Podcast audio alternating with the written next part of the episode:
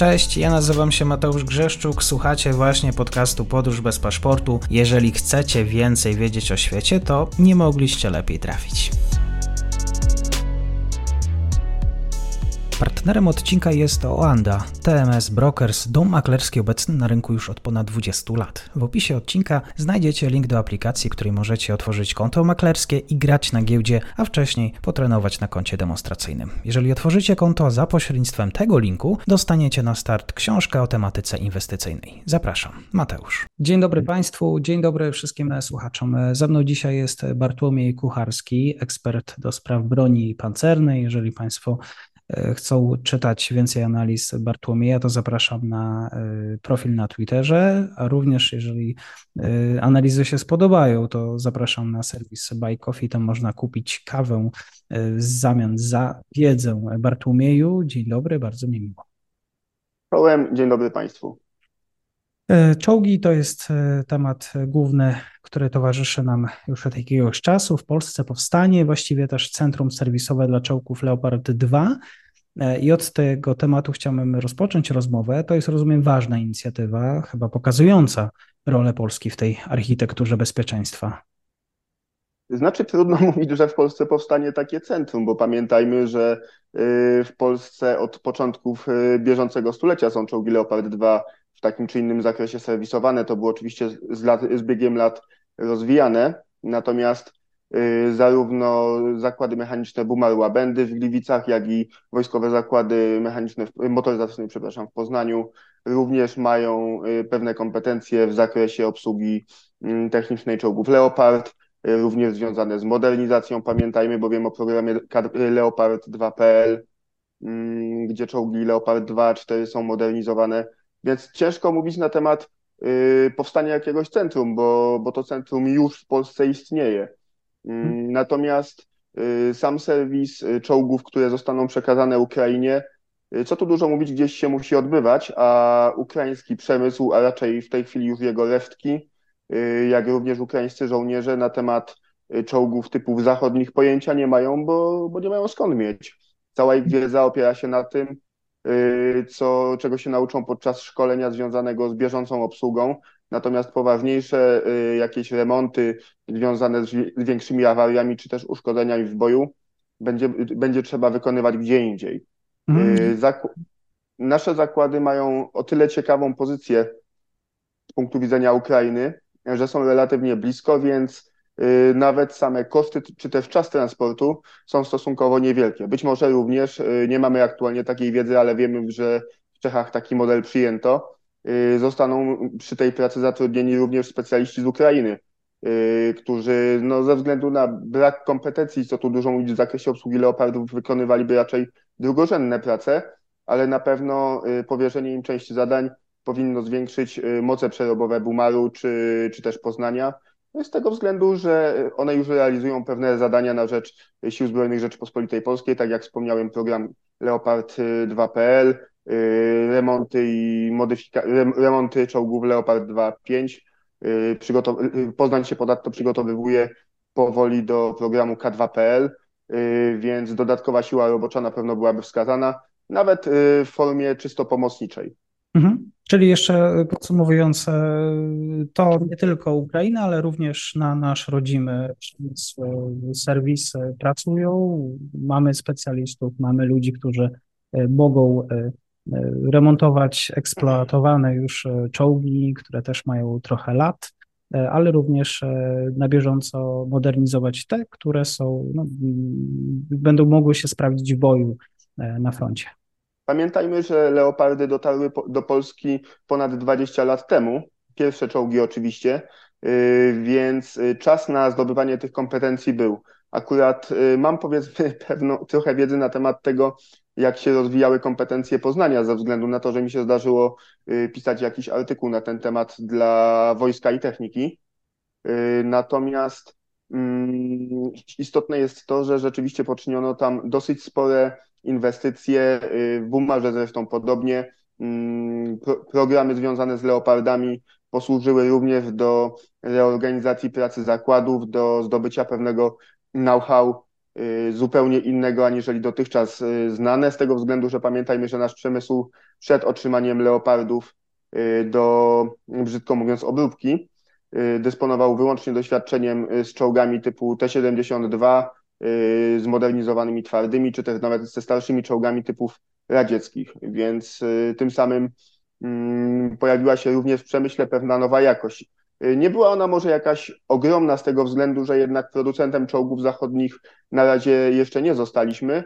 Natomiast myślę, że doświadczenie mm, z organizacją pracy, jaka przybyła z zachodu wraz z czołgami i w toku nabywania kompetencji do ich obsługi, jednak pewną wartością dodaną była. Mhm, to jeżeli nie jesteśmy producentem, to co stoi w przeszkodzie? Pieniądze? Ludzie? A może ktoś powinien jakieś czołgi zamówić? Tak? No, pamię- no, były w przeszłości jakieś oferty związane z produkcją Leoparda 2. Y, z innych ofert y, były nam produkowa- proponowane między innymi opracowanie y, wspólnego polsko-niemieckiego czołgu Atlas, a od niedawna podjęto decyzję o wejściu w program K2 Y, który też już był wcześniej oferowany. Mm, najstarsze ślady oferty na czołg K2, jakie znam bezpośrednio, to jest bodajże 2015 rok, jeśli dobrze pamiętam, więc y, chwilę nam podjęcie decyzji zajęło i pamiętajmy, że na razie jeszcze kontraktu niestety nie ma na K2.pl, kiedy on będzie do końca nie wiadomo mm, i i trzeba po prostu czekać. Więc no, na, na razie stoimy w miejscu, w którym stoimy. Yy, miejmy nadzieję, że jak najszybciej i ze względu na siły zbrojne, i ze względu na przemysł uda się z tego miejsca ruszyć. Mhm, bo o Koreańczykach mówiliśmy sporo. Yy, na jakim jesteśmy etapie? Na co właściwie czekamy? Czekamy na to, aż będzie jakaś decyzja. Czekamy przede wszystkim na mm, umowę na zamówienie bez y, umowy, bez gwarancji sfinansowania programu, chociażby nikt nie sfinansuje chociażby za pomocą kredytów czy jakichś dotacji y, modernizacji zakładów. Pamiętajmy, że mm, nie ma w Polsce takiej infrastruktury, która by pozwalała w pełni zabezpieczyć produkcję y, czołgu takiego jak Leopard 2 czy K2PL, bo nie była, co tu dużo mówić, potrzebna. Nie ma również odpowiednio przeszkolonych załóg, nie ma zorganizowanych stanowisk pracy, etc., etc. Mm, I idąc tym, tok, y, tym tokiem rozumowania, mm, żeby nabyć y, stosowne kompetencje, co tu dużo mówić, musimy mieć na to środki, a te środki bez gwarancji ze strony rządu y, odnośnie zamówień się nie pojawią. I nie sądzę, by Mm, sama dotychczas podpisana umowa ramowa, pamiętajmy, że nie z PGZ-em, tylko z producentem czołgu K2, czyli Hyundai Rotem Company, yy, na produkcję tysiąc czołgów była taką, była wystarczającą gwarancją w tym względzie. Obawiam się, że musi przyjść yy, jakieś bardziej konkretne zamówienie, yy, żeby proces przygotowawczy ruszył. Aczkolwiek z drugiej strony szczęśliwie pewne rozmowy, pewne negocjacje między stroną koreańską a polską są cały czas y, prowadzone. I na ile mi wiadomo mm, z nie do końca również oficjalnych źródeł, y, jest tu pewne, pewna szansa, że do porozumienia korzystnego dla obu stron dojdzie. Mhm. Natomiast y, najwięcej kart w rękach ma polski resort obrony, czy szerzej mówiąc polski rząd. Mhm, jesteś, tak widzę, nieco y, sceptyczny i y, delikatny wobec y, tych oficjalnych komunikatów rządu. E, dopóki e, nie zobaczysz czołgu, nie uwierzysz. Może nie tyle czołgu, co dopóki nie zobaczę jakichś konkretnych umów związanych a z opracowaniem K2PL, bo pamiętajmy, że K2PL jako czołg nie istnieje trzeba go dopiero opracować w toku dostosowania już istniejącego czołgu K2 do polskich wymagań i B, y, nie zobaczę umowy na mm, produkcję tych czołgów. Bo na razie pamiętajmy, zamówiliśmy 180 czołgów. Te czołgi są, na ile mi wiadomo, zgodnie z zapisami umowy w terminie dostarczane.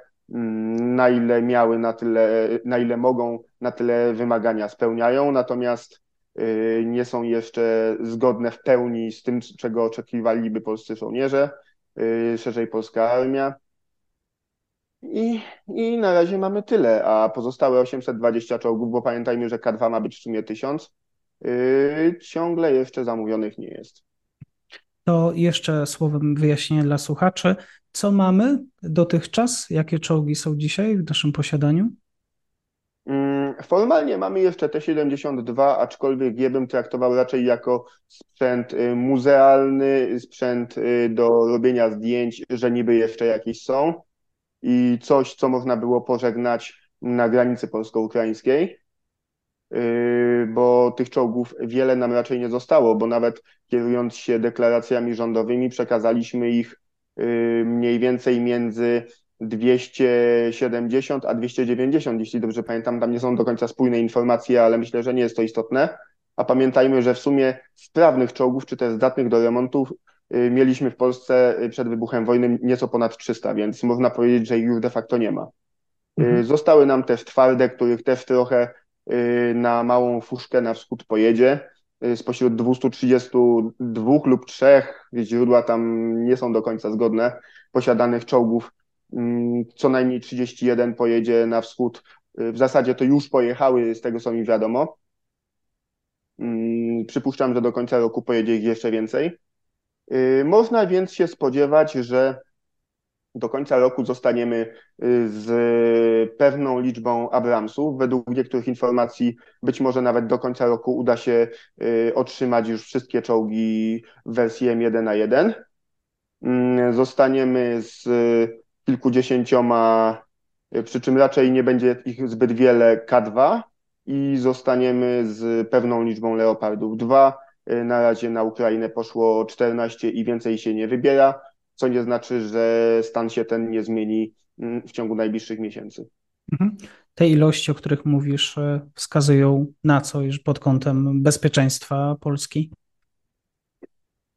Y, nie chcę, żeby to zabrzmiało jak narracja mm, polityka w stylu Grigorija Braunowicza, y, natomiast mm, można powiedzieć, że polskie wojska pancerne y, straciły możliwość sprawnego operowania samymi sobą.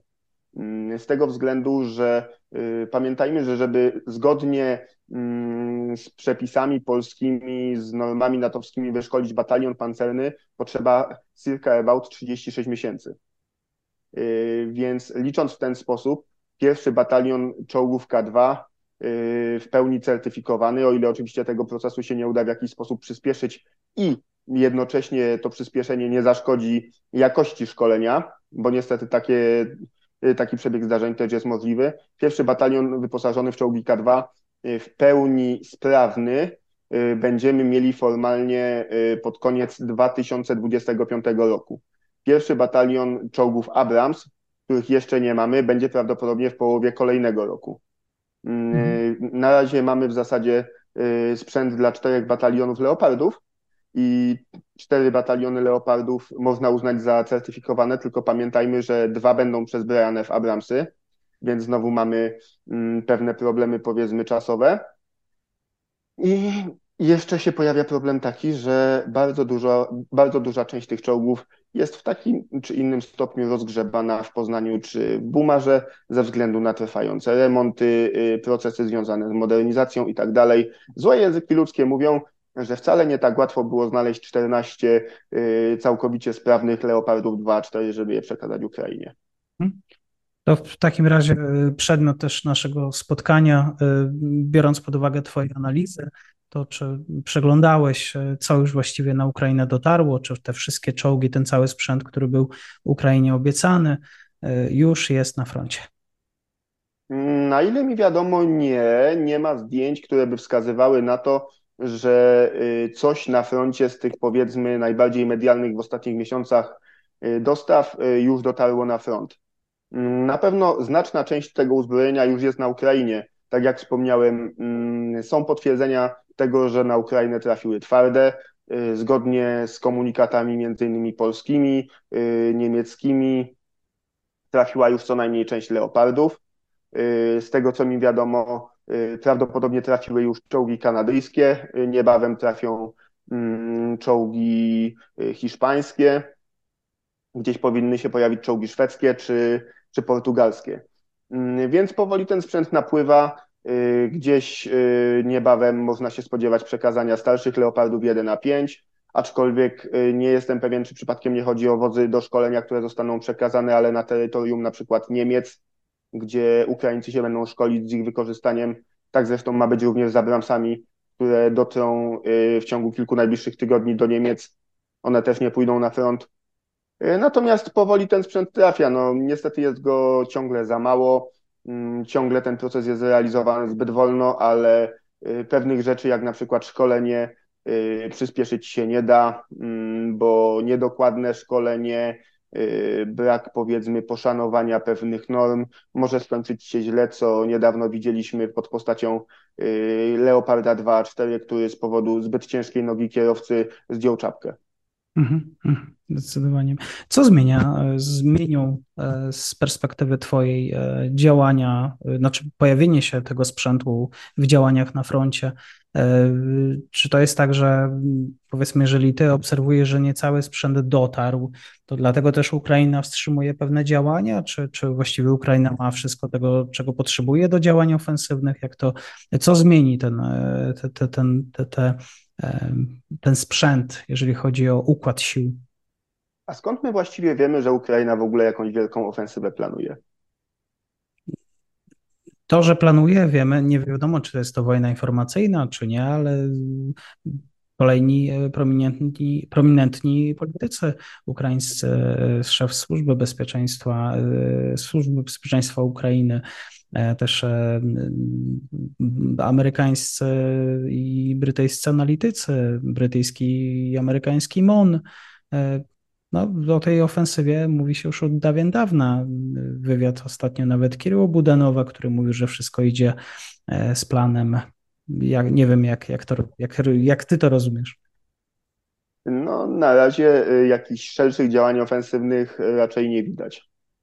Y, więc y, tak naprawdę nie wiemy, mm, czym ta ofensywa ma być, bo mówiąc o ofensywie, większość y, polskich obserwatorów, nazwijmy to powiedzmy zjad zwykłych zjadaczy chleba, że tak to ujmę, mm, odbiera ofensywę jako coś bardzo dynamicznego mm, na skalę działań Normana Schwarzkopfa w Iraku w 91 czy na skalę działań drugowojennych. Y, tymczasem ze względu na y, dosyć małą różnicę potencjałów, nawet po skomasowaniu pewnej ilości środków mm, na danym odcinku, mm, spodziewałbym się raczej ofensyw w stylu pierwszowojennym. Nie będzie tam oczywiście tak jak pod Paschendale, mam nadzieję, że dobrze wymówiłem, y, gdzie dziesiątki tysięcy ludzi ginęły mm, za raptem przesunięcie linii frontu o kilometr czy dwa, tylko po to, żeby parę tygodni później ta linia frontu wróciła na punkt wyjścia.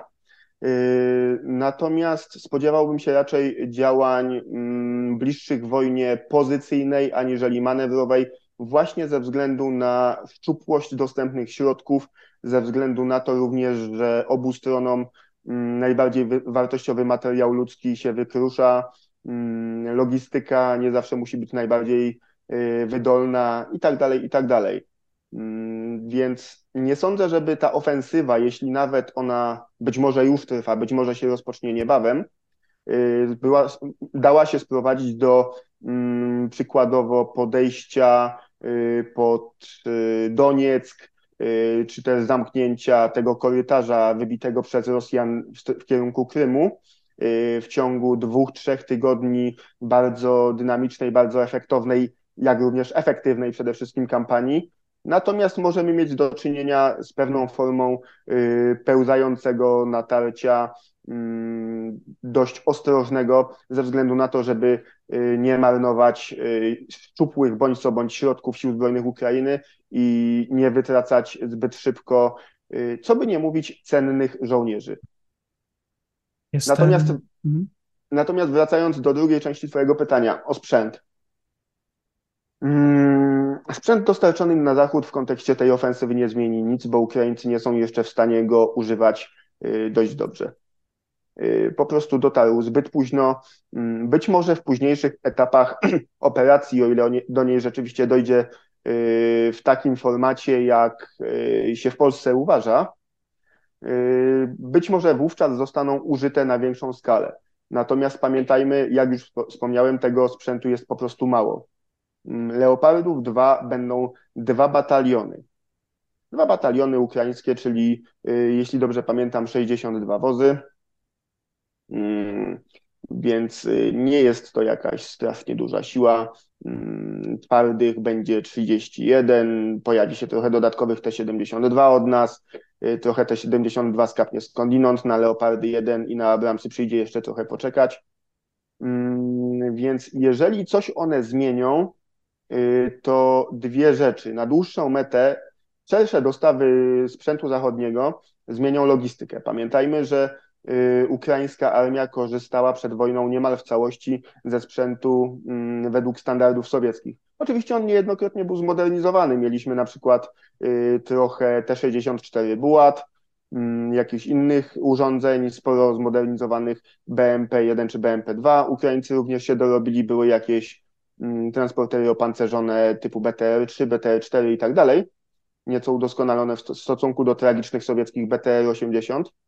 Y, natomiast y, przede wszystkim dostawy sprzętu zachodniego umożliwią zaopatrywanie sił zbrojnych Ukrainy y, w części zamienne, mm, w amunicję, bo tego dobra Zachód po prostu ma pewne ilości. Natomiast na Zachodzie nie ma producentów amunicji 125 mm o odpowiedniej jakości i odpowiednich mocach przerobowych.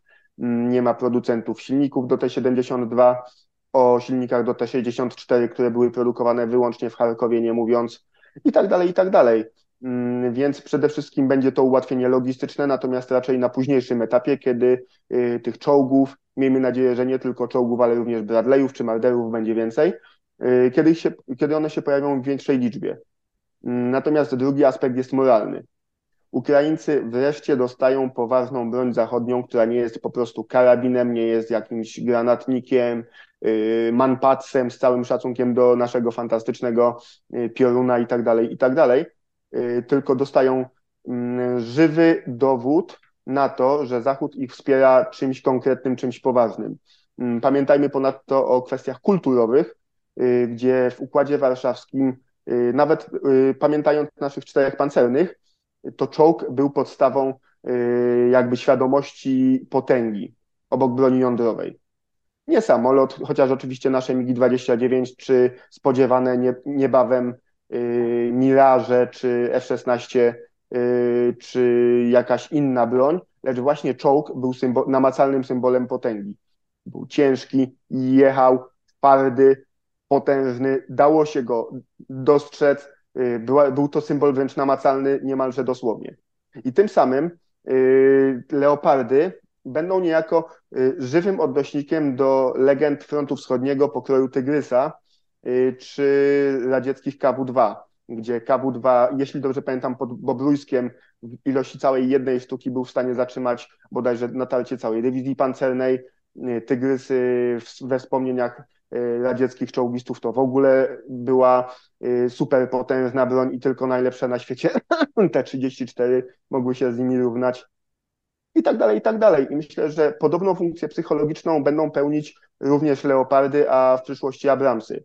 Tylko to rodzi też pewne mm, ryzyko, że Ukraińcy zrobią to samo z nimi, co Niemcy w późniejszym etapie wojny z Tygrysami, to znaczy je rozcieńczą w masie wojska nie, żeby y, każdy, żeby powiedzmy na osi natarcia, czy też w punkcie, gdzie obrona pewnego odcinka była szczególnie ważna, miała kluczowe znaczenie, gdzie skomasowane te dwa bataliony, y, trzy bataliony, czy ile ich będzie w przyszłości, odegrały pewną rolę, y, ale może dojść niestety do takiej sytuacji, że każdy będzie chciał swojego Leoparda, czy też swojego Abramsa i go dostanie.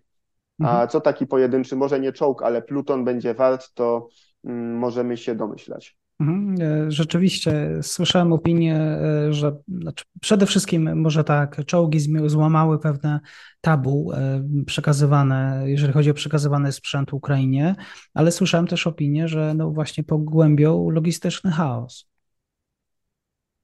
Powiedziałbym, że wręcz przeciwnie. Znaczy, będzie to na pewno jakieś wyzwanie dla ukraińskiej logistyki.